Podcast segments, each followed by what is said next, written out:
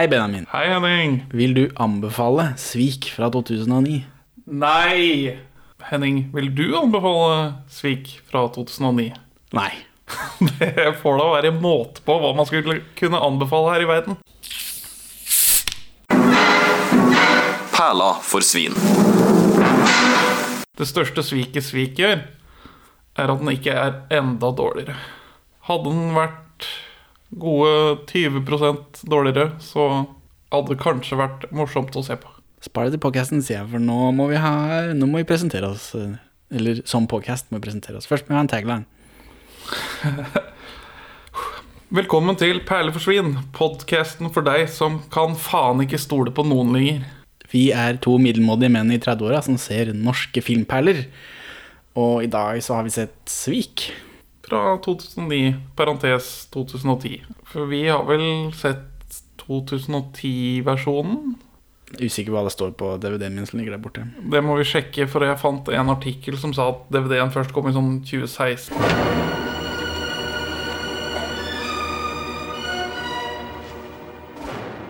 Det var som jeg trodde.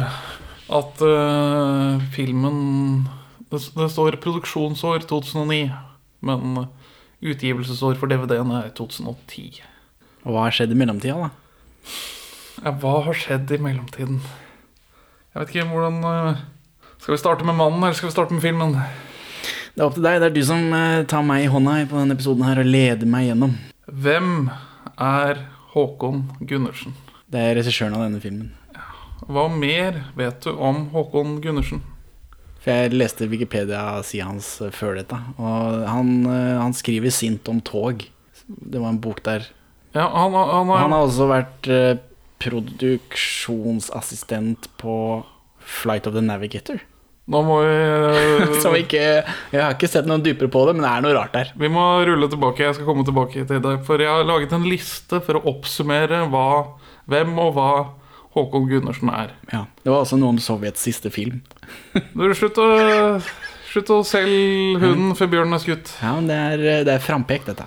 Håkon Gundersen, sosiolog, mannen som drepte Al Pacinos filmkarriere i fire år, samfunnskritisk forfatter, one-time skuespiller, en foregangsmann innen streamingteknologi, en mester i filmfinansiering, ifølge Aftenposten, og filmprodusent, manusforfatter og filmregissør. Og i sistnevnte uheldige trinitet, et udugelig nek av en autør. Kan du forklare begrepet autør for lytterne? Eh, Det er vel en som eh, gjør det meste på film. Ja. Han skriver og klipper og produserer og uh, Dette er hans visjon som han vil få fram. Dette er hans visjon som han vil få fram. Norges George Lucas. Eller han fyren bak The Game. Nei, hva heter han igjen? Uh, The Game er det David Fincher. Nei, Det er det. jeg- jeg, nå, Crying Game, en annen Jeg film. roter eh, You are tearing me apart, Lisa. Hva er det da? The Room. The Room! Det- det- det- Dette er en lignende film som The Room. Uh, Tommy Wiseau heter han.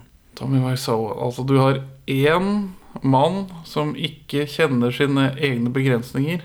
Som har en veldig tydelig visjon, og fint litt eh, annet. ja, men det er lite som holder han tilbake, da, tydeligvis. I hvert fall i The Room. Det virker som han kan gjøre akkurat som han vil. Ja. Og den filmen som jeg har sett, er jo den som ikke er akkurat sånn som han vil. Eller har jeg misforstått? Uh, hvis, altså, har du sett hva For altså, dette var jo den 2010-versjonen, antar jeg. Den DVD-en min er jo fra 2010. Jo, dette, dette er sånn som han vil, Ja, det. tror jeg. For det, det er han som har finansiert filmen. Så jeg vet ikke helt hvorvidt det er de som han har lånt penger fra, som har krevd at han skal gjøre endringer, men det virker som. da. For det er bare folk fra Men nå drar vi langt av gårde her. produksjonsselskapet som kommenterer det at den skal klippes om. Ja. Mens før filmen kommer ut, så er han veldig ute i media og snakker. Men skal vi gå litt gjennom det? Han er, vi kan starte med at han er sosiolog og forfatter. Har du, har du, du nevnte uh, NS, hans kritiske NSB-bok. Ja, for det så jeg og tenkte jeg, hva er dette for en fyr? Og så tenkte jeg det får Benjamin forklare meg istedenfor. Ja, nei, så han var med på å stifte Hva er det det heter igjen, da? Han var med på å stifte Arbeiderbevegelsens forskningsinstitutt tidlig i sin sosiologkarriere. Og i samarbeid med de begynte han å skrive samfunnskritiske bøker. Sånn rundt 1980 eller litt før, tenker jeg. Så jeg, jeg valgte ut uh, fire titler som gir et innblikk i hans forfatterkarriere. Det er da NSB med 'Linjegods i lasten', som er kritisk til hvordan lovverket rundt Altså at man driver og saboterer NSB på et eller annet vis. En blockbuster, med andre ord. Ja. Uh, og så er det to jeg ikke har lest om, men de, det- man hører samfunnskritikken i tittelen. Du har Televerket med Knute på tråden fra 1976. Spillet om atomkraften, hvor han går ut og avslører samfunnskrefter i Norge som jobber om, for å innføre atomkraft. På tross av folkets vilje. Så jeg vet ikke om det er hans bok som fikk en slutt på den utviklingen her, for det ble jo ikke noe atomkraft på oss på berget. Og så er det en bok fra 1984 som har en interessant tittel. TV 2 og den nye mediesituasjonen i Norge. Fra før TV2 ble lansert. Ja.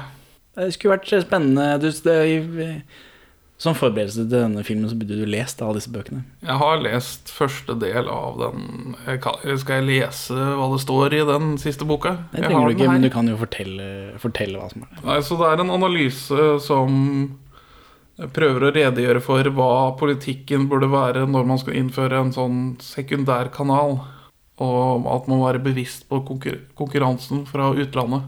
Så vi får vite da at i 1984 så er det allerede 300 000 husstander i Norge som ser på utenlandsk TV. Og det er fælt. Ja. ja men det er SVT, dette, da. Eller det mm, TV3? Nei, det var ikke på Nei, ikke TV3 ennå, men britisk TV. Den problematiske innflytelsen derfra som viser vel sånn Det er vel et skjermbilde fra Falcon Crest eller noe annet som vises som Men Falcon Crest sendte de vel i Norge på NRK? Da, Og hva er det andre? Dynastiet, da.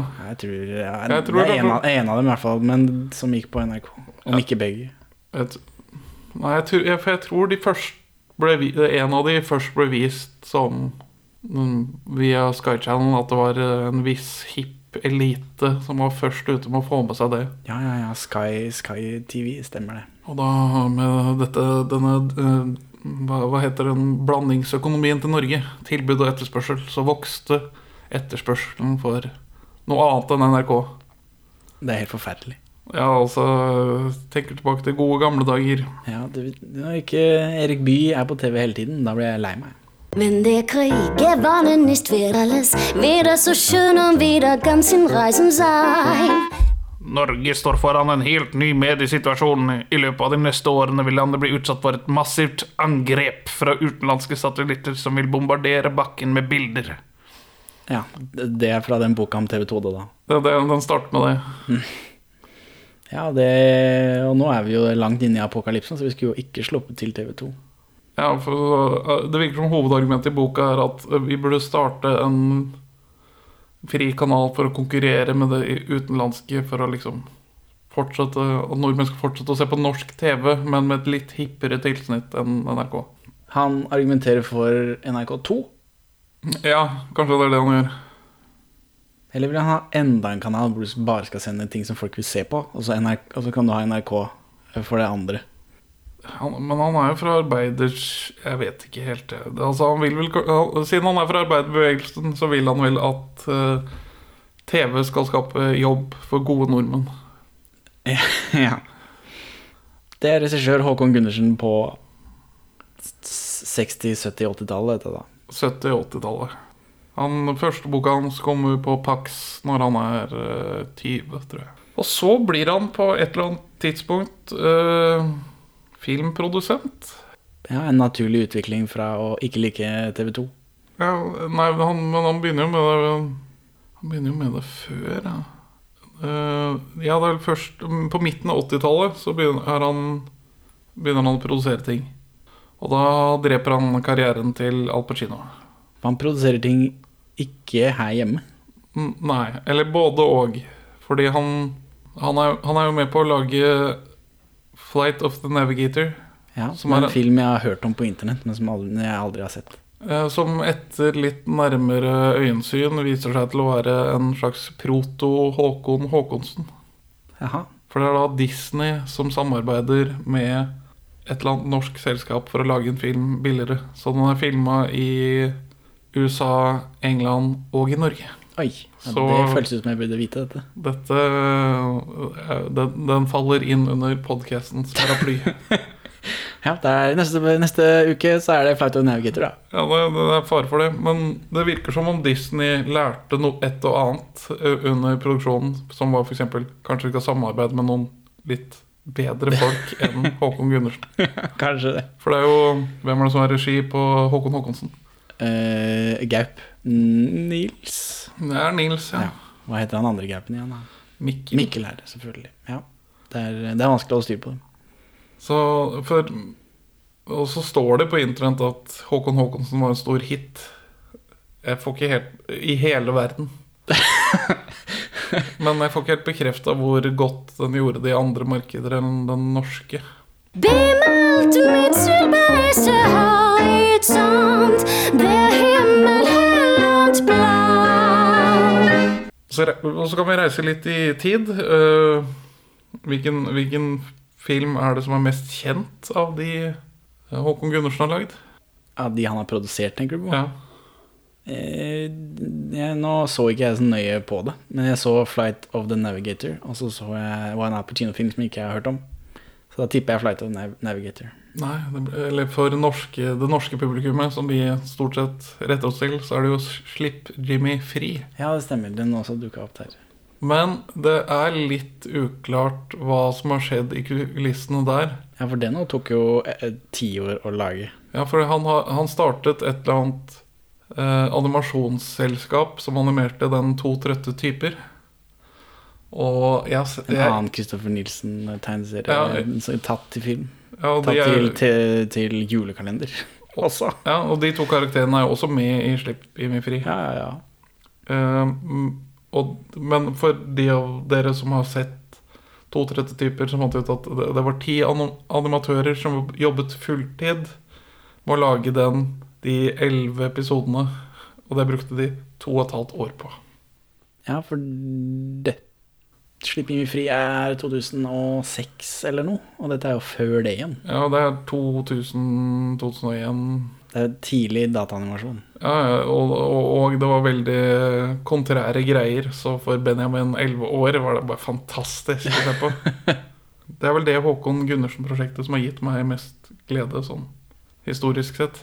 Men uh, det er jo denne Aftenposten-artikkelen at han er en mester innen filmfinansiering, som jeg er litt usikker på hvorvidt stemmer.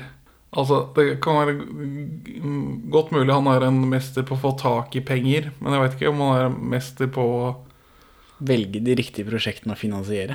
Nei, så hvor, hvor mye avkastning han gir til de andre investorene i prosjektet, fremstår som litt uklart. For slipp Jimmy fri, går jo hovedanimasjonsselskapet konkurs.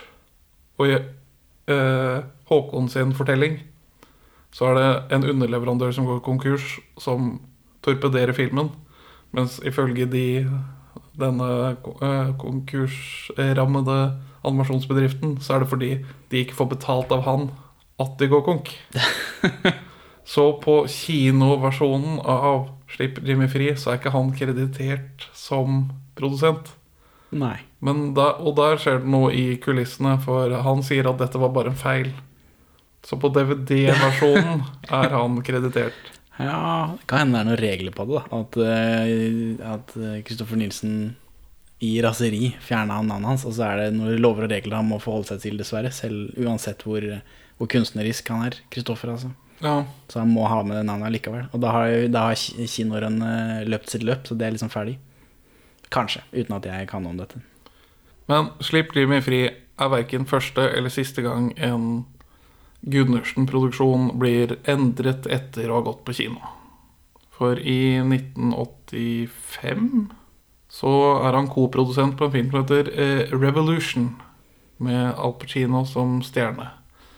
Som er en poetisk take på noe sånn amerikansk frigjøringskrig-greie med Al Pacino som blir tvunget til å kjempe på britisk side. Og det er bare kjedelig rot.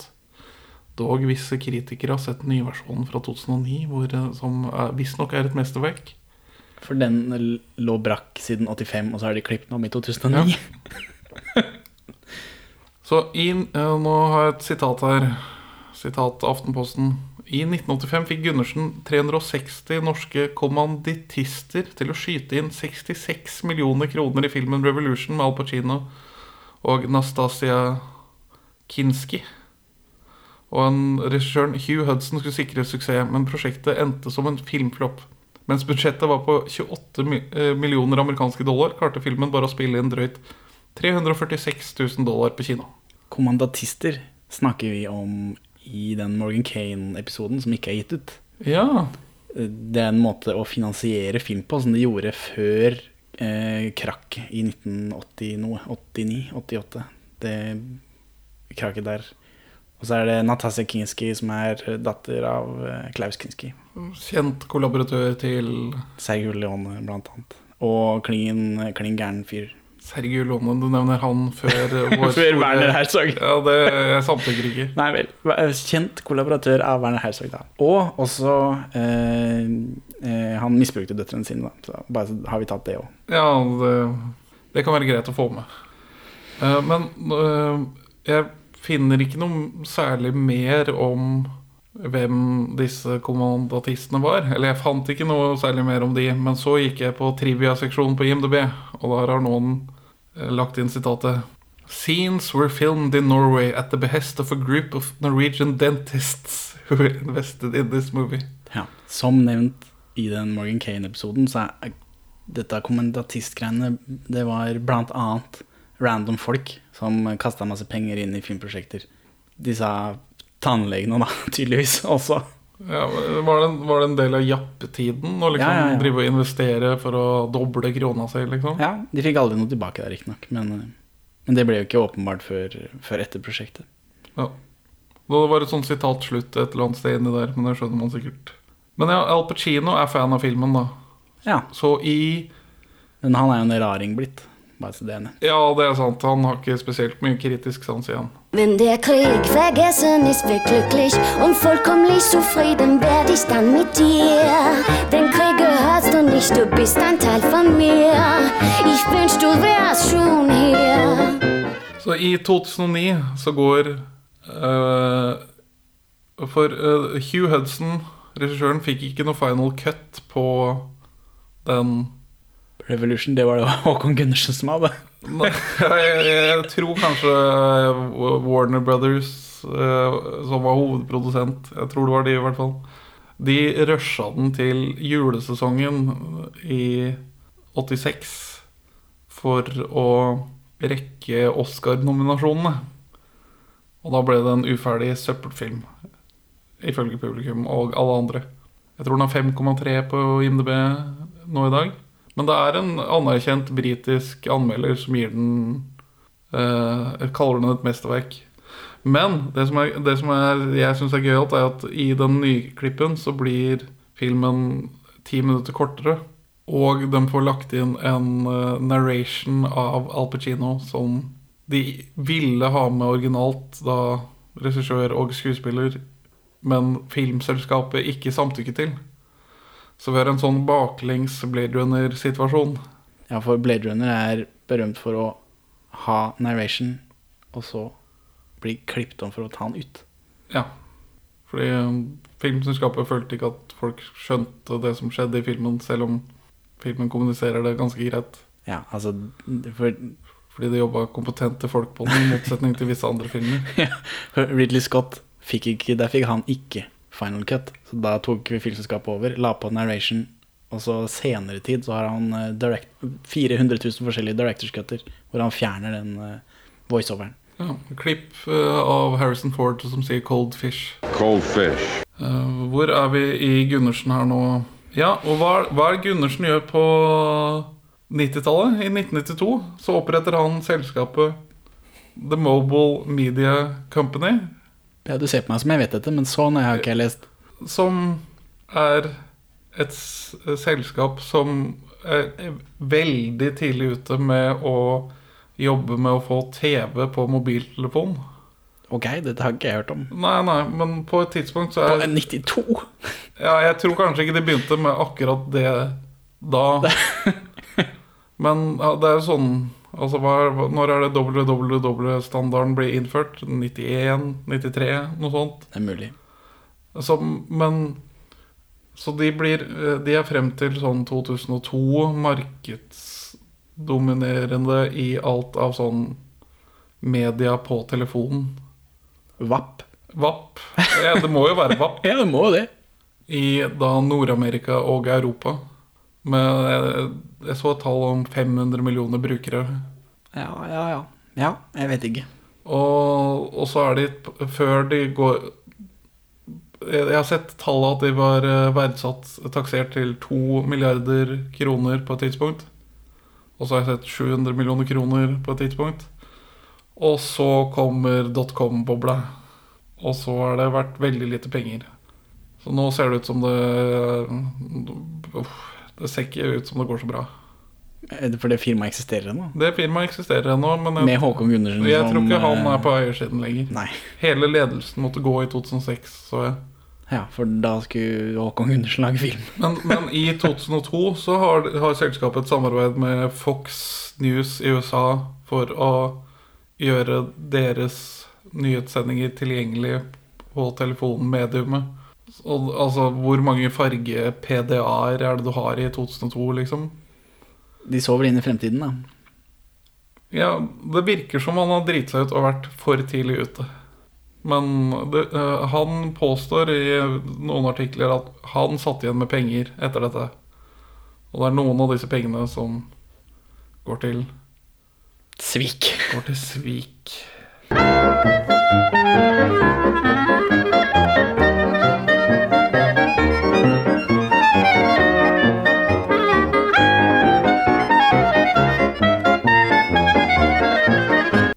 Før filmen slippes, så er, han, er det et portrettintervju i Aftenposten. Og så, og så han han, snakker han litt om problemene han hadde under produksjonen av 'Slipp Jimmy fri'. Men at nå har det gått mye bedre. Fordi det er ikke noe krangling. Det er, han har kontroll på alt. Han har manus, han har regi, han har klipp, I guess. Jeg ser ikke for meg at noen andre Får lov å røre det. Så det, dette gikk mye bedre, da. siden nå er det hans baby. Hans visjon. Men artikkelen heter da 'En mester i filmfinansiering'. Ok, Svik kostet 20 millioner kroner å lage. Han får visstnok tilbake 25% av produksjonskostnadene av den ungarske staten. Ok. Fordi han bruker en eller annen sånn produksjonsavtale der. Så jeg vet ikke om han får Eller det er litt uklart for meg hvorvidt han får tilbake 25% av kostnadene, eller 25% av skatten han har på kostnadene i For den er filma i Ungarn, da, eller? Den er filma i Budapest. Ja. Som alle andre filmer. Ja, alle norske filmer er produsert der. Ja. Ish. Og mange Hollywood-filmer, for så vidt. Ja, blitt mer og mer poppis, det. Så, så kommer uh, filmen på kino. Så, og hvor, eh, da er det ifølge Norsk Filminstitutt så er det 15.908 stykker som går og ser denne på kino. Den ene uka den er på kino. For så blir den trukket med en beskjed om at de skal klippe den om. For å gjøre det tydelig hva den handler om.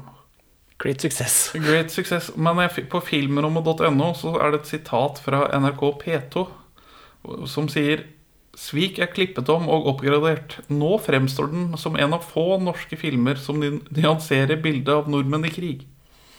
Ja, men For dette er den versjonen vi ikke har sett. Eller? Jo, det er den versjonen vi har sett. Ja, For- etter at den for- er klippet om. The Mamas and the Papas er med i den versjonen du så. Å ja, ja. Og, gamle dama er med. og gamle dama, ja. Jeg skjønte ikke hva det hadde med Mamas og Papas å gjøre. For hun skuespilleren er vokalisten i Mamas and the Papas. And no one's getting fat except Mama Cass. Jeg syns synd på alle de som så den på kino, men jeg mistenker at den versjonen er bedre enn den vi har sett. Og hvorfor det? Fordi altså Fordi den er dårligere, liksom. Ja. Showgirls bedre. Hæ? Showgirls bedre. Showgirls bedre? Ja, altså, Showgirls er så dårlig at det er bra. Ja, en del av den, det nye som er innført i filmen, er showgirls bra. Altså, jeg lo så jeg, jeg fikk vondt av hvor dårlig det var. For det man har gjort i den klippen Man har ikke, man ikke fiksa på noe i selve filmen. Ingen av de norske skuespillerne er med igjen. Det de har gjort, er å legge til en framing device. Er det, er det noe norsk begrep for det? Jeg Rammehistorie. en rammehistorie. Men i en film med en god rammehistorie så påvirker det som skjer i historien, rammen på et eller annet vis. Hva, hva er det vår rammehistorie består av? Det er to amerikanere som snakker med hverandre. Ja. En eh, bestemor og et barnebarn. da. Ja. Og det var det ikke før eh, på kinoversjonen. Som jeg Nei. heller vil se siden den rammehis... Altså den ramme... Den har jo ikke noe for seg. Den, det skjer jo ingenting i den. Altså, filmen starter i 1992. Når hun Ja, står det det på skjermen? For det fikk ikke jeg med Det står det på skjermen. Ja, ok. California 1992. Ja, Sånn starter filmen. Men skal vi begynne på filmen, da? eller? Ja, ja, ja, jeg ville bare Jeg ville bare gjøre ferdig det regnestykket. Så, Men jeg fant også på Norsk Filminstitutt at han Altså, det står at den billettstøtteordningen skal være på 55 kroner per 100 kroner benyttet på kinobrett. Hva er billettstøtteordningen, da? Altså at hvis du får over et visst antall besøkende på kino, så får du får produsenten 55 kroner per billett cash in hand. For å liksom gjøre sånn at det skal kunne lønne seg å lage norsk film. Men hvis 15 908 stykker sånn på kino, så regnet jeg meg frem til at han skulle fått omtrent 850 000 i støtte. Men det står i deres rapport at han fikk 1,2 millioner kroner. Så jeg vet ikke om Norsk Filminstitutt driver og trikser som krigsprofitører og tar noe mellomlegg for å gi han litt ekstra. Eller så kom han jo tilbake på kino igjen, gjorde han ikke det? Det er mulig han har solgt noen billetter da og da. Jeg, em, jeg sjekket det, og jeg fant bare det samme antallet kinogjengere fra 2009, og så lenge den var nevnt i rapporten, som var frem til sånn 2014. Og da står det bare 15908. Ja, nei, ikke vet jeg. Eller, eller det var to forskjellige tall. Ett var litt lavere, så det har i hvert fall ikke vokst noe. i hvert fall. Ich bin kein Dichter, doch vor Hoffnung weiß ich viel. Von Liebe aber gar nichts, außer dass tief in mir strömt die Liebe treu.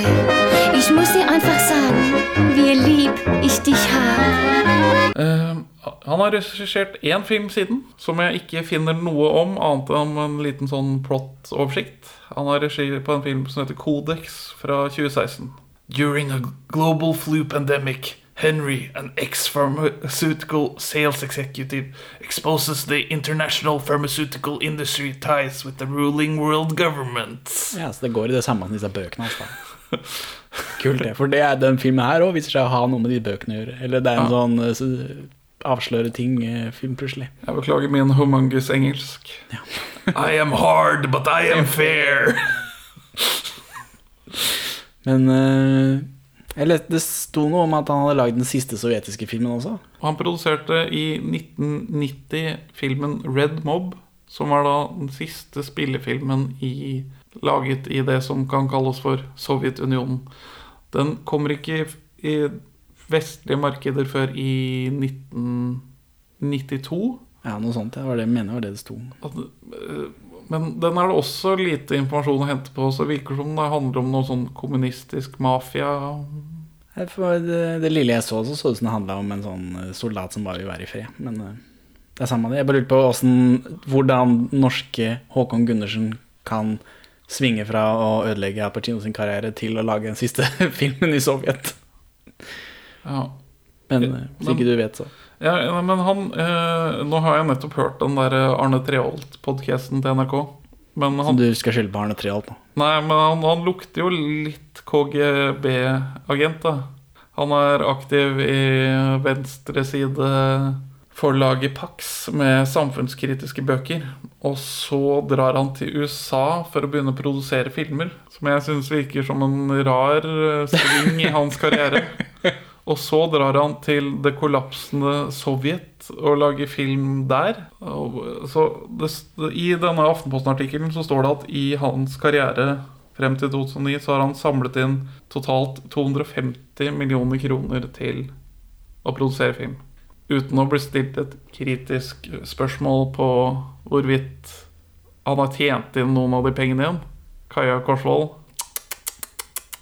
Ja, altså det er journalisten da, som har gjort dette. Ja, ja. intervjuet. Jeg er litt kritisk til at denne tulleballmannen ikke får Ja, og, Men før vi starter på filmen, kan jeg ikke ta et uh, sitat fra Norsk Filminstitutts årsrapport fra 2009 om gjennomsnittsterningkast i dagspressen. Ja, ja. Svik skårer dårligst av alle med terningkast to. Rull film. Vi macht mitt süße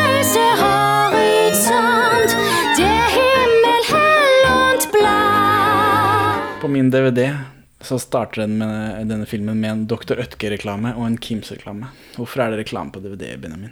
Fordi vi lever i et kapitalistisk samfunn. Vi er bare forbrukere. Ja, men det er jo ikke det på noen andre typer DVD. Det er bare de norske. Så er det DSD Seaways og, og Dr. Ødker og sånn. Uh, ja, det er Disney VHS-er, men ja, de, Jo, men det er for mer Disney-ting. Ja. Det skjønner jeg. Trailers heter det. Selv om det er for alt mulig tull.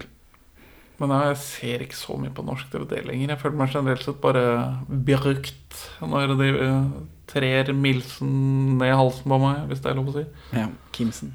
Kimsen. Ikke noe majonesreklame på denne, utrolig nok. Og så kommer tittelen på engelsk på min DVD. Ja, min, eh, min. Betrayal. Betrayal.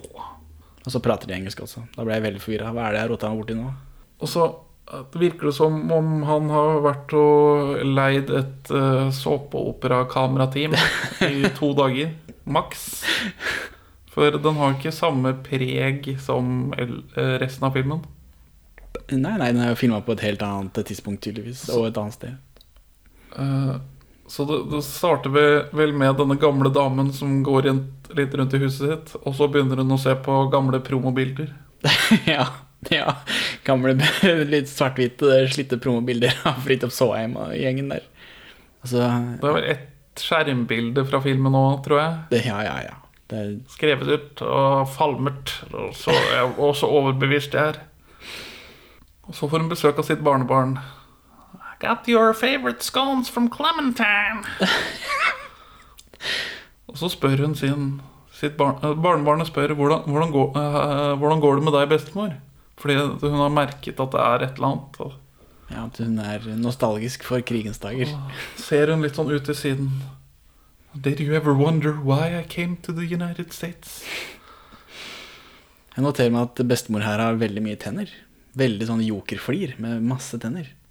Kanskje de er uekte? Er det det du Nei, det er bare, hun har liksom Hun har et smil som går helt opp til ørene. Så det, liksom, det, det tyter ut tenner som om hun var en bever. Bare for kontekst. Jeg har en kommentar på det, men jeg vil ikke gå inn på det. ok. Ja, og- God podcast. og da, da, jeg, jeg lo også av at hun hadde, har en sånn reprint av et Krigsaftenposten. Blant de, de bildene så har hun et sånt, et sånt nytrykk. Det drev man med på noe 80- og 90-tallet i hvert fall. At når det var krigsdatoer, så kjørte man ut sånne liksom-aviser av gamle dager. Av krigen, liksom.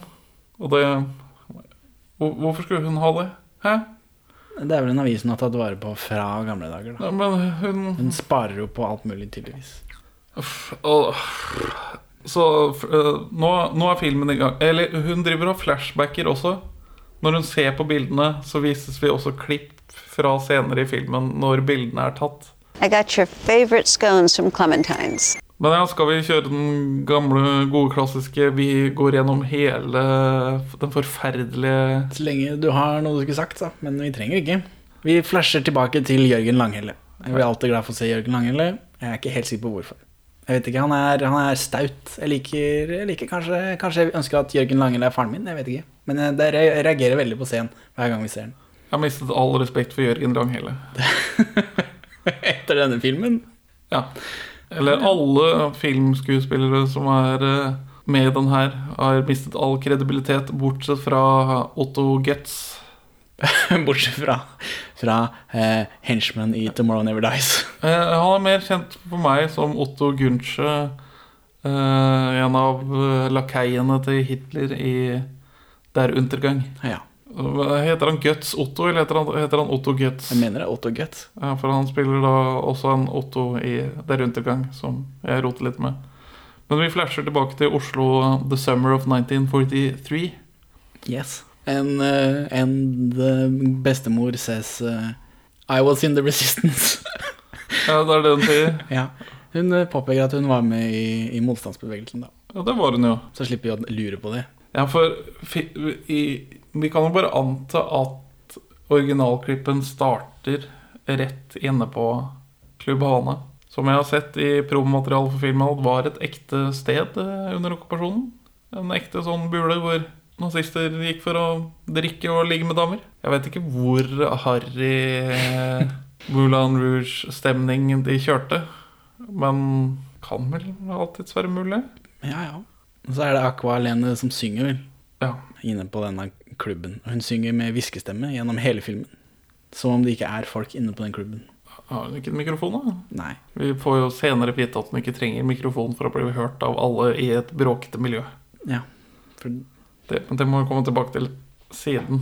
husker du Lene, Aqualenes uh, eh, solokarriere? Nei. Hun var veldig eh, Den var veldig, la oss kalle det sexinspirert. Ja, nå er jeg med. Ja. Nå er jeg med. It's your duty to shake your booty. Ja, den husker jeg nå.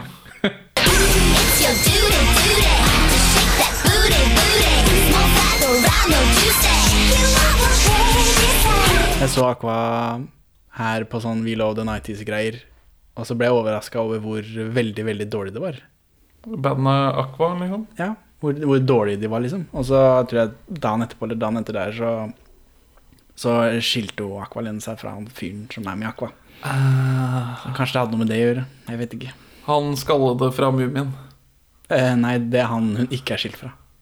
Hun er, hun er skilt fra han med hår i, eh, i Aqua. Jeg jeg hadde alltid trodd hun var sammen med han skalla. jeg. Ja, jeg tror det har vært sånn fram og tilbake med alle sammen, uten at jeg har fulgt med på Aqua News så mye som jeg burde. Det skuffer meg at uh, den Aqua er den korrekte bøyningsformen for tysk. Så den heter også Aqualene på tysk, og ikke Wasserlene, som jeg hadde håpet litt. Men dette er Aqualenes norske filmdebut. Har hun spilt i andre? Eh, ja, det er noen danske greier. For hun er jo egentlig Eller hun er jo norsk, men jeg tror hun identifiserer seg mest som dansk.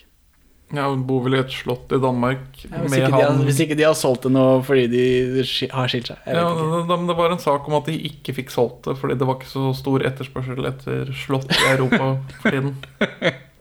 Det er rart, det der. Så, men hva er vipsen vår, da, så vi kan uh, hive oss på dette slottet?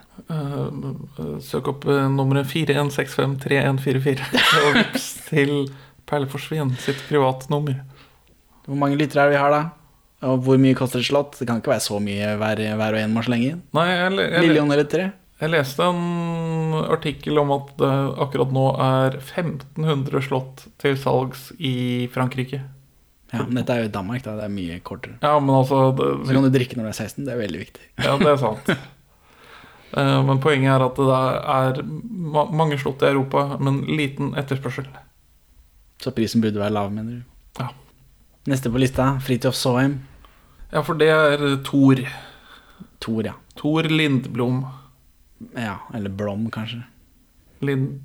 Det står med O, men jeg vet ikke om det Hva sa jeg? Lindblom. Lindblom? Ja. ja okay. Som om han var svensk. Ja, hej, jag heter Tor Lindblom. Jag driver klubben eh, Klubb, Klubb Havana. Klubb Stockholm. Klubb Skåne. Fridtjof Soheim. Er det han som har hovedrollen i denne filmen?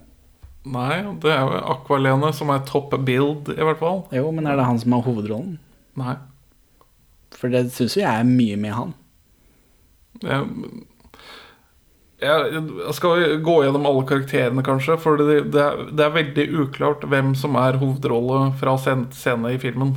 Alt er uklart i denne filmen her. Alt er uklart i den filmen her! Jeg hytter med neven til Håkon Gundersen. Det skjer ikke noe, Jeg vet ikke om det er Det, det skjer ingenting i denne filmen her. Det er bare masse folk som snakker med hverandre i rom. Det skjer ting i den filmen her, men det skjer på den dårligste filmmåten. Sånn, folk snakker, snakker, snakker, gå til et annet sted, snakke, snakke, snakke, og noen må gjøre det her, snakke, snakke, snakke, og så går noen og gjør akkurat det som de har sagt at de skal gjøre. Ehm, for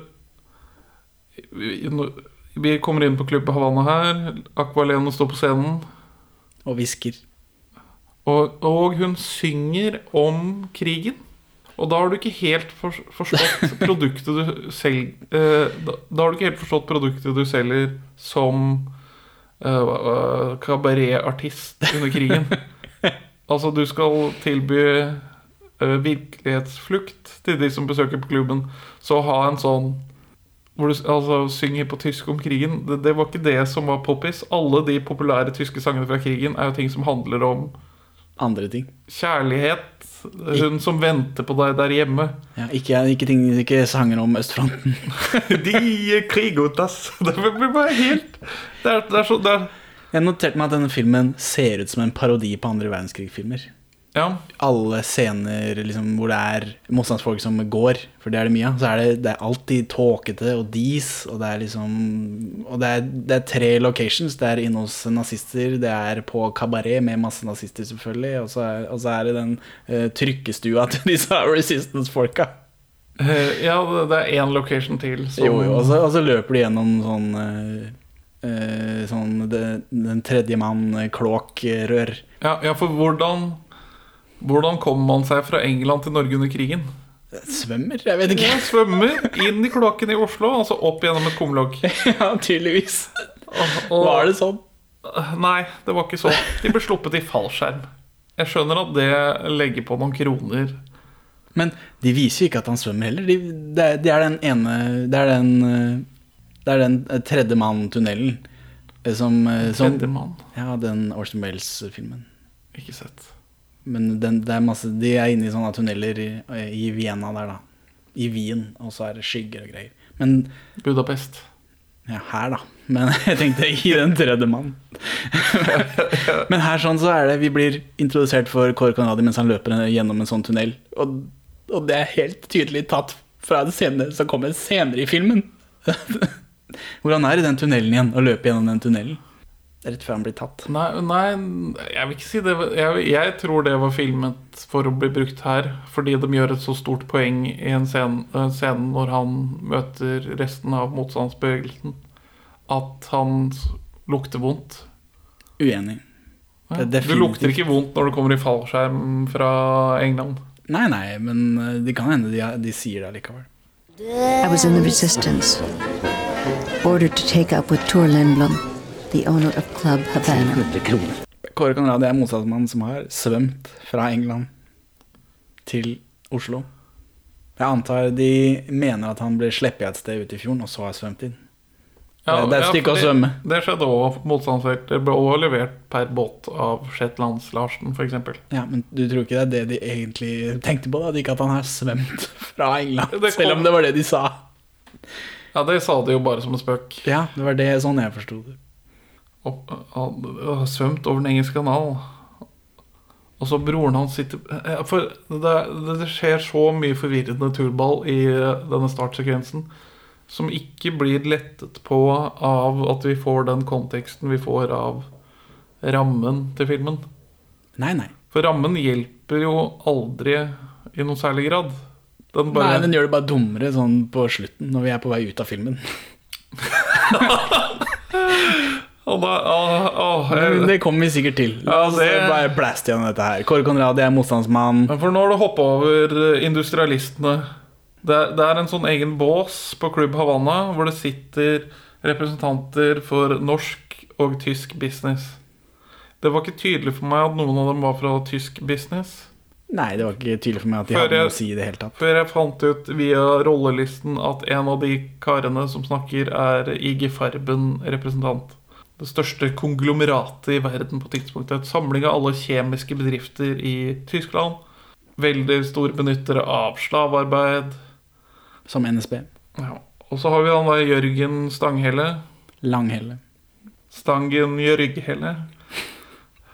Uh, som skurk med bart industrialist. Altså sånn monopolskurk. Ja, men det virka som han hadde noe med Fridtjof Soim å gjøre, så jeg liksom knytta hele den gjengen der til det. Uten at jeg tenkte så nøye på hva den forretningsmannen forretningsmann-delen gjorde på dagtid, når ikke de var i Klubb Havanna. Ok, Men de er jo der i forretningsøyemed. Ja, det er fordi de snusker da, og så henger de der, og så ser de på akvalene som eh, hvisker. Ja. I første ikke-ram-sekvens av filmen Jeg blir veldig engasjert nå. Fordi, Av, den, av denne filmen. fordi den er så jævlig dårlig. Det kan du spørre. Fordi den, er, den, den, filmen har sine utfordringer. altså bare for å, Jeg kan sikkert si det avslutningsvis òg, men den, av 100 poeng så får denne filmen ett poeng fordi den tar opp noe vanskelig.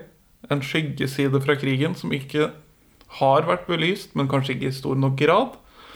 Og så får den ingen andre poeng. Den, det du snakker om nå, det tar den opp i, i teksten som kom på slutten. Jeg fikk ingen forståelse.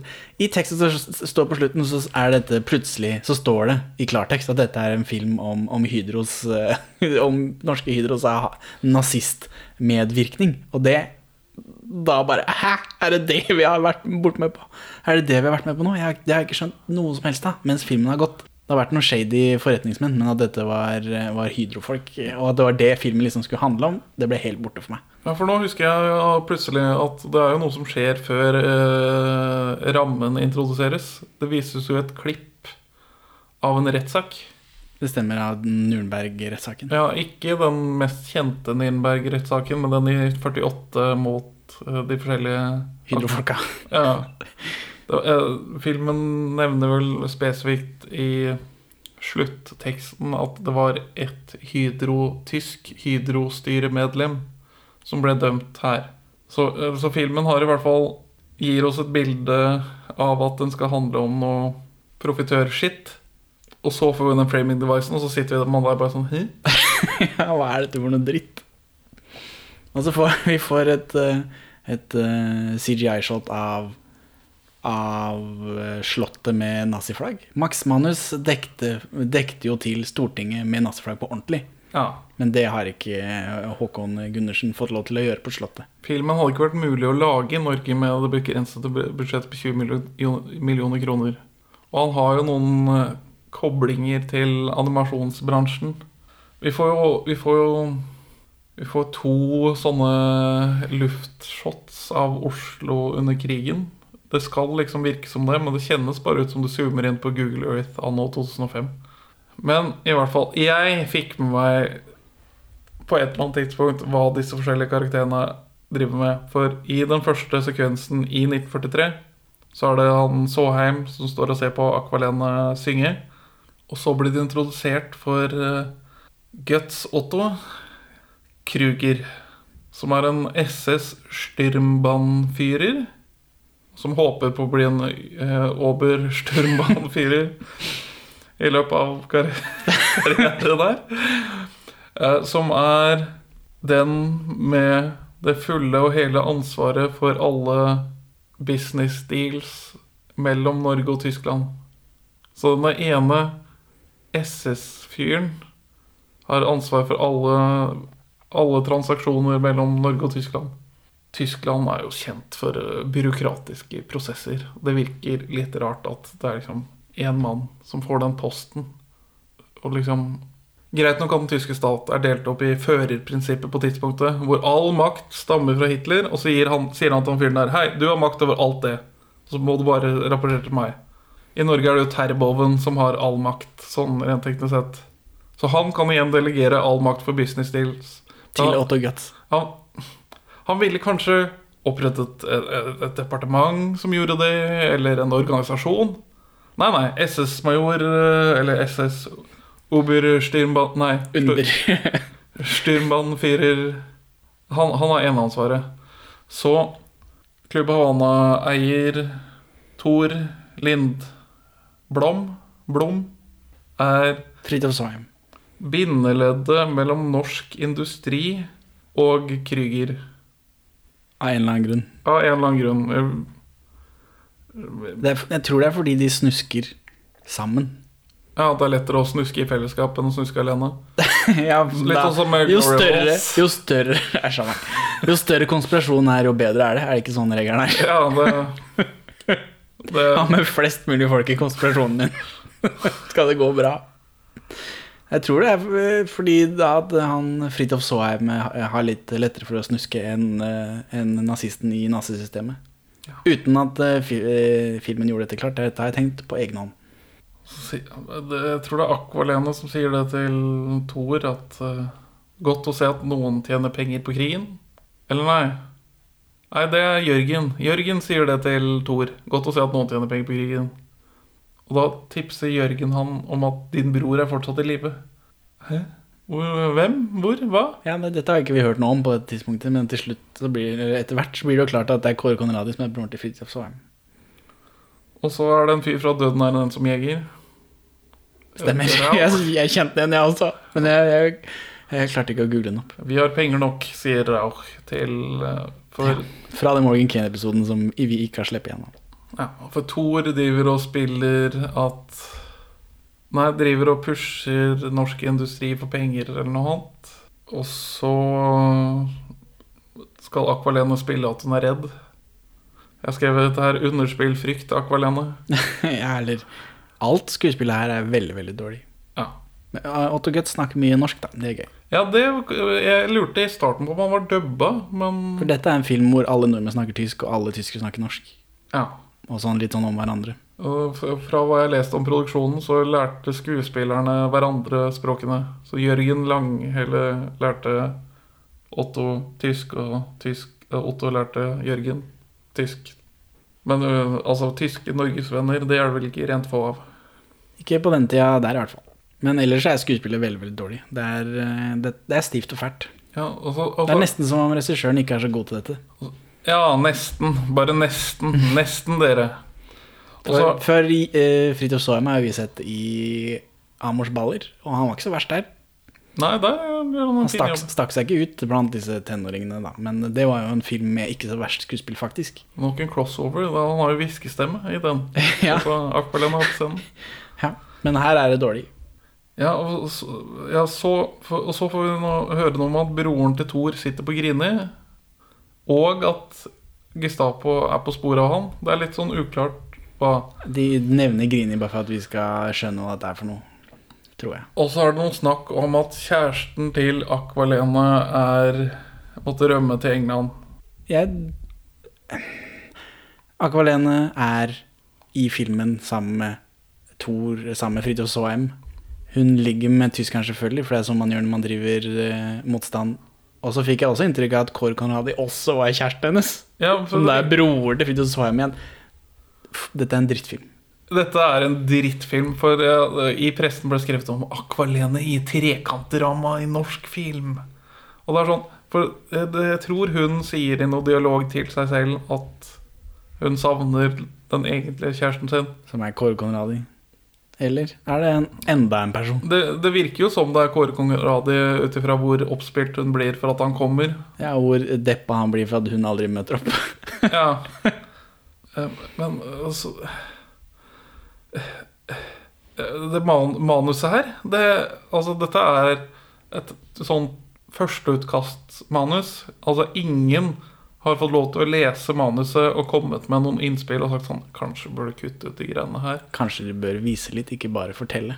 For alle sitter bare overfor hverandre over- med et bord imellom, og så forteller de hvordan eh, relasjonene deres er til andre folk, og så kutter vi til noen andre folk som gjør akkurat det samme. Ingrid Bose Berdal er også med i filmen, forresten. Som motstandskvinne. Ja, Og er helt utrolig dårlig skuespiller av en eller annen grunn. Ja, men hun er veldig god på burst fire med Stengen. Ja, Det er sant. Det er én scene her hvor det skjer noe, og utenom det så er det bare de prater med hverandre. Jeg vil si det er to scener hvor det skjer- noe. Deg om det. Du har vel ikke svømt hele veien fra England, vel? Jeg vedder en flaske god whisky på at du har kommet opp av kloakken. det lukta ikke så ille. Og så er det slottet på green screen og med noe sånn nazifetisjering. Sånn Ja, for det er noe flagg og noe greier, og så blir Aqualene med Otto Guts inn der, og så faen, nå skal vi eh, Nå skal jeg feie over deg i senga til Håkon her. Ja, så, Og så er det noen nazister som står på utsida og synger Det er én som synger for de først, og så holder de fakler for nazier, går i fakkeltog, det er de kjent for. Og så, men så Krüger har tatt over soverommet til kong Haakon. Tydeligvis. Og han har på seg morgenkåpen til kong Haakon, som har et sånt H7-monogram. Ja, for at han skal vite hvilken morgenkåpe som er hans, og hvem som er uh, Maud sin. Men Akvalene, hva heter hennes karakter igjen? i det hele tatt? Jeg bryr meg ikke. Nei, nei, er. Akvalene er det. Akvalene. Eh, hun har, er jo i samarbeid med motstandsbevegelsen, parentes engelsk agent. Hun virker ikke til å ha fått noe særlig trening, men hun kan teite spionting. Hun har, På denne tiden så har hun jo lest spionbøker, antar jeg, men, eh, men for vi som sitter her på etter 2000-tallet, så har hun sett en og annen eh, spionfilm. For eh, etter at de har utført penetrativ sex i kong Haakons seng, så går han ut av rommet litt, og skal hun kle på seg. Og da tar hun avtrykk av nøklene hans. Og da De veldig kompliserte nøklene. Ja, det er jo sånne, sånne vanlige nøkler som du har for å låse opp dører inne i hjemmet ditt. Eller i båten. Ja, så det er, det er- et sånn metallstykke med et lite søkk på enden som du tar. Så det er sånne, du tar med, sånne låser du tar med saksa. Ja, øh, altså hun, hun sier senere at hun tok avtrykk av hele knippet hans. Ja, for Hun tar to stykker, men begge de nøklene er eh, sånne. Ja, altså Oppmerksomheten for detaljer den filmen her har. Skal jeg dra opp et annet eksempel som er helt ytterst tilbakestående? Ja, ja. I Budapest har de valgt å pynte gatene med diverse nazi, norske naziplakater. Og først fikk filmen poeng for at den benytter plakater fra tiden. NS-plakater. Ja, men så uh, en av de mest synlige plakatene de har oppe, er den hvor det står 'Stem NS'. Ja, ja, fordi de trenger flere stemmer. Uh, altså, i NS deltok jo i demokratiet før krigen. Ja, men dette er 1943. Ja, og under okkupasjonen så arrangerte ikke NS noe valg. ikke? Nei. Merkelig. Eh, Den danske regjeringen valgte å samarbeide med tyskerne. Så under de første tre årene av okkupasjonen i Danmark så var det fortsatt demokrati. Eh, Men så i Danmark så hadde de, hadde de valg. Og da fikk det nasjonalsosialistiske partiet sånn 400 stemmer. Så den Stem NS-plakaten er førkrigs så det holder. Så det er kjempedritt. Bæsj. Auf ein glass guten Wein. Auf ein glass guten Wein. La oss snakke om filmens Quisling, som er med i en kvart scene her. Uh, spilt av uh, Torgeir Fonlid. Jeg vet ikke hvem det var, men han ligna ikke på Quisling. De Nei. kunne like godt casta Lisa, Lisa Tønne. Så, så lik var han Quisling. Jeg fant et blogginnlegg som si, uh, sier at eh, Hans Quisling var sånn uh, identisk, slående lik. Skummelt å se på. Da er det bare sånn Jeg tenkte på når jeg så det at uh, Hvorfor er ikke det Fridtjof Saaheim? at han er en bedre Quisling. Ja. Han er litt sånn rund i ansiktet. Hvis han bare får slack der sånn, boom, Fridtjof Saaheim med en gang. Hvilken Quisling var vel ikke 75 år og med en sånn Nei. Nei. hjelm av en hentesveis? Det er ikke det bildet jeg sitter igjen med, i hvert fall. Nei, filmens Quisling er veldig, veldig dårlig. Fridtjof Saaheim burde vært Quisling. All den jazzmusikken her sånn minner meg om den eh, alle, alle ønsker at de var en katt-filmen fra Aristokattene. Din bror er mer grådig enn smart. Interesserer meg ikke. Så hvorfor treffer du ham da? Ingen av oss liker denne jævla okkupasjonen. Alle ønsker, alle ønsker, alle ønsker at de var en katt. Halleluja! Alle ønsker, alle ønsker, alle ønsker at de var en katt. Alle ønsker, alle ønsker, alle ønsker at de var en katt. Og så men vi får jo den hovedsangen i ikke sånn krigsfilter over rulleteksten. For de som savnet den. Det er også og, uh, de, Det er noen som setter seg i en bil, og så er det musikk i bilen. Hadde de bilradio under andre verdenskrig? De hadde jo ikke radio, de var ikke så store på radio. Sånn generelt. NS-folk vil jo, hvis de hadde bilradioer, så ville jo NS-folk fått beholde radioene. Men jeg vet ikke om radioer var miniatyrer. De hadde det i biler på den tida, og Uten at det er en sånn svært apparat man operatør til, Ja. liksom. Ja, nettopp. For de måtte jo gjemme radioen på låven, liksom. Det syns jeg var veldig rart, at det var musikk i bilene. Og så reagerer uh, Krüger på at uh, Aqualena går ut med pistol. Hver uke kommer det et nytt lik flytende ned elven. Jeg har ingen planer om å bli den neste. Ja, dette er, det er krigsnoir, da. Ja, Så lenge du ikke peker den på meg, så blir det bra.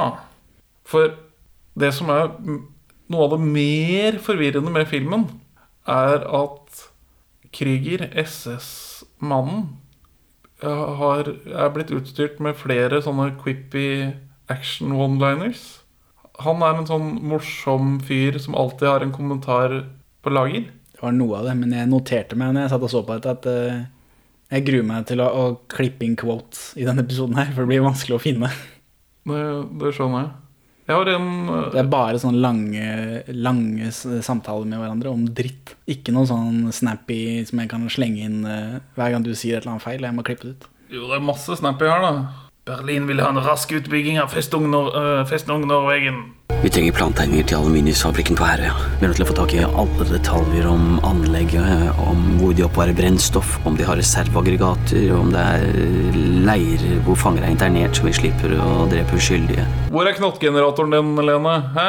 Hvor har du gjort av knottgeneratoren din? Ingen i filmen har knottgenerator. Nei. Det Altså, sånn man kjørte bil under krigen. Ja, Med en svær ovn bakpå bilen som du kasta knott i. Ja, det... I eh, Jeg har notert her rundt 1 time, 2 minutter og 20 sekunder, så er det en sånn ladegreplyd rett fra et bibliotek med Ja. lyder. Det lo jeg også av. Kjør lyd. Og så er det noe snakk om at de har planer om å lage aluminiumsfabrikk på Herøya. Masse snakk om Herøya. Og så er det noen som drar på en flyplass som ikke er Fornebu, men er Fornebu. Altså, den er eh, eh, A-Team-filmen har et mer overbevisende Fornebu enn ja. Den A-Team-filmen har jeg ikke tenkt på på lenge. De er jo på ja, ja, ja. Fornebu. Ja, ja, ja. Så er det norske norsk sånn tollerfolk og ja. Og, og sjøflyplass i en fjord. Det er helt utrolig. Ja, men det har ikke noe å si. Det er sånn man eh, gjør når man lager film. Og da får vi igjen eh, besøk av framing-devicen. Etter at disse industrialistene har snakket om at de skal lage aluminiumsfabrikk på Herøya. Så sier hun eh, mamma fra Mamma and the Papas. Jeg vet ikke om hun var mamma eller hun var daughter to, Ja, altså, Mamma, Mamma Cass er jo berømt for å være død. Ja, så det er ikke Så det er daughter fra Ja, Mamma det må være en annen. Det er jo to mammas sikkert. Altså. Mamma Cass er jo tjukke. Hun var ikke så tjukk, hun her. Nei, det var hun ikke. Og så kommer hun og sier noe om at Aluminium, aluminum, that we're to become Luftwaffe killing machines. Aluminium. Ja. Wann? Wie viel? Ich könnte Ihnen jederzeit eine Silberdose anbieten. Silber? Men uh, den fargen på den lastebilen som er i bakgrunnen på flyplassen, den var korrekt. For en del uh, Det er jo noe som heter feldgrau, som er sånn tysk gråfarge. Og den blir veldig sånn lysgrå i mange filmer. Men her var den sånn korrekt uh, Korrekt mørk, syns jeg, da. Hvem faen har sladret? Det virker ikke som det er så verst å være Å være en kjent motstandskvinne i Oslo, for uh, Akvalene går jo bare rundt. Alle vet at hun er motstandsperson. Vet alle det? Otto Guts vet det. Uh, ja, Fridtjof Saaheim er ganske klar på det. Hun henger vel ikke så mye med Jørgen Lange men han har sikkert fått det brevet, han også. Eller det står sikkert i avisa, føler jeg. Og så skjer det noe han er, jeg, jeg tror Guts mistenker uten å bekrefte det, men det, det skal jeg ikke henge meg opp i. Men når Kåre Konradi kommer av kloakken og snakker med Ingrid Belstø Balldal Bosse Berdal. så, så er ikke han fornøyd med villaen de holder, holder seg til, holder til i. Han vil at de skal bytte skjulested. Til og med prangene. og det gjør det òg. Og da sier hun at vi har et vaskeri et, et eller annet sted. Og da, og da er det i andre etasje over en middelklassebolig. De har i hvert fall en hushjelp. Så i andre etasjen over en middelklassebolig hvor man har hushjelp, så er det et SS-vaskeri. Hvor de har bare tatt alle uniformene de har brukt i filmen, og bare satt de opp på rekke og rad. Og det er bare sånn Jeg vet, jeg vet motstandsbevegelsen gjemte ting rett under nesa på nazistene ganske mye, men det, i den filmen her fremstår det bare som kjempetåpelig. Det meste er tåpelig i den filmen her. Ingrid Baase Berdal er eh, Selv om hun er veldig dårlig skuespiller i den filmen, så er hun i det minste beinhard. Plaffeløs og blir skutt også. Uten noe fanfare, egentlig. Og så, nå- og så sitter Håkon Gundersen for seg selv og sier sånn Ja, men vi må, vi må vise at øh, folk flest, de støtter, øh, de støtter motstandsbevegelsen. Så da kommer hun hushjelpen nedenifra og bare sånn Er dere sultne? Det ble noen rester etter middag. Jeg vet at dere driver med motstandsarbeid her, så jeg tok med litt middag til dere. Men så blir Og så er det igjen forvirring på hvem som er protagonisten her. For nå er vi tilbake til Krüger, som har fått besøk fra Tyskland. Han som Jørgen dro og henta på Fornebu. Walter Ja. Jeg drikker ikke kaffe av prinsipp. Så er det noe eh, Det er noe rasistgreier der, da, men Altså, de er på en måte nazister, så det får gå. Ja, ja, Men så smiler han som om han bare tuller. Og så sier han Nei da, bare tulla. Jeg får vondt i magen av kaffe. Hæ?! Den drikken kan pip få beholde for meg i fred. Og så, og så smiler alle tre sånn. Nei da, jeg bare tulla. Jeg får vondt i magen av kaffe. Bare alt på tysk, da. Ja, ja. ja, det var på tysk, så det var ikke like ille som eh, når Pål Bang-Hansen sier svartingene. Nei. Og svartingene Og for SS sentralt Eller nei, dette er fra Wehrmacht av en eller annen grunn. Det henger ikke på grep. Har sendt en revisor for å gå gjennom disse business dealsa som han har ansvar for. Ja, Men ikke den revisoren som egentlig skulle komme, en annen revisor. Så da er det krisa også, uten at vi kjenner til den første Ja, revisoren. fordi at han, han andre revisoren har han sikkert i lomma, liksom. Si meg, fyrer de peisen på sommeren? Jeg er bare en enkel gutt fra Prøysen. Jeg liker å se inn i flammene. Ja, sier Otto Gutt. Sånn, dette skal dette liksom være en thriller? At det er spennende at Det er ikke noe som er spennende her, i hvert fall. nazistenes egne folk er ute etter han? For skal han fremstilles som Nei, det, det. Jeg vet ikke, jeg sjekka vel ut av den filmen her med etter Kims-reklamen. Ja. det er rart, eh, den Dr. Ødker-reklamen var kanskje det mest engasjerende i den filmen her. Og så spør han om noe om dealen hans, og så sier han nei, kan, jeg, istedenfor å svare på det, så har jeg, skal jeg gi deg et silba-etui. Et sølvetui. Utpressing. Hva is- ja, hva med isteden når vi snakker om aluminiumsproduksjon? Så kan jeg gi deg et sølvetui. Ja, nei, det er ikke noe så mye mening ser Ja. Casa di mamma, frossen pizza som om mamma skulle laget den. Ny fra Dr. Utker. Hva skjer med Kåre Conradi? Nei, øh, Det lurer jeg på. For nå, Vi ser jo at Thor er med på den der For Jeg vil fokusere litt på han Walter, for han har en av de dummeste scenene i filmen senere. For hans karakter Hva, hva er Walters karakter? Han er øh, at, For meg så er han en nazist som skal ta nazist, han Otto Guts, fordi Otto Guts er så korrupt. Ja, For han er en, en streng tysker som gjør ting etter boka. Som følger med og er lynskarp. Det er liksom, Han skal være den ekle, skumle tyskeren. Så på den fabrikken her så tar han, finner han ut at de bruker ikke nok kalk til De har ikke eh, brukt så mye penger som de har tenkt- eh, tenkt, men de har tatt mellomlegget. Ja, Fridtjof Saaheim driver og snikker til seg, da. Sier han eh, tyskeren til Fridtjof Saaheim? Her, hva sa du? Han tyskeren sier det til Fridtjof Saaheim. Hvor er det blitt av det som mellomlegget, liksom? Er det, driver du og tar det? Han hinter til at han tar det. Ja, og så, øh, og så han, svarer han bare sånn Og så sier han at ja, og, Walter sier vel at det jeg ser, er at dere ikke bruker nok betong, og da blir de fabrikkene fabrikken her mer utsatt for bombeskader. Og så svarer Fridtjof at ja, du ser ikke det her i sammenheng. Sammenhengen er at vi skal lage aluminium for å vinne krigen. Ja, det er ikke noe i den filmen her som henger på grep. Also, wenn ich das richtig verstehe, dann haben Sie hier eine Mischung aus 75% Calciumcarbonat und 25% Lehm verwendet? Sie haben Ihre Hausaufgaben gut gemacht, ne? Ja. Aber wie ist es dann möglich, dass lediglich zwei Drittel des für die Anlage benötigten Calciumcarbonats hierher angefordert wurde? Was wollen Sie eigentlich damit sagen? Dass diese Gebäude bei einem Bombenabwurf äußerst verletzbar sind. Men fordi du eh, eh, maser som et lokomotiv, så må, må vi dele denne episoden her i to. Så da, da ses vi til neste uke, da. Det gjør vi. I den dumme filmen her. Fortsettelsen av denne dumme filmen. Takk for at du hører på Perler for svin. Du finner oss først og fremst på perleforsvin.no, men også på Twitter under perler-for-svin, Facebook som perleforsvinpod, eller du kan maile oss på perleforsvinpod at gmail.com. Gi oss gjerne en eh, rating i din lokale podcast-avspiller, og, og legg igjen en beskrivelse, så folk skjønner hva det er for noe tull vi egentlig driver med. Her er ukas Pål Bang-Hansen-sitat ute av kontekst. Det skal bli mer ungdom og fattigdom. Nå har vi fått nok. Nå er tiden inne. Vi vil forsvare oss. Dette rene landet som våre stolte forfedre har gitt oss i arv. Vil vi rense for all jødisk smitte. Eiendommene deres vil gå tilbake til gode nordmenn.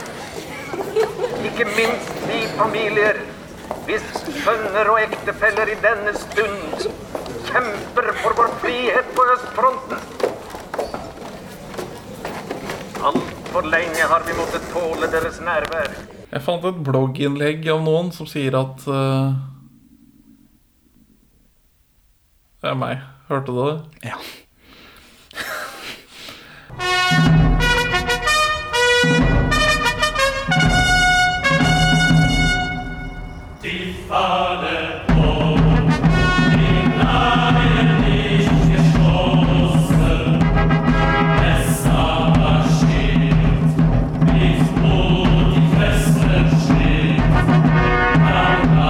Så jeg vil bare Det er mye mulig. Ikke ødelegg skapet mitt. Jeg syns du bare må komme deg ut av det så fort som mulig, Henning.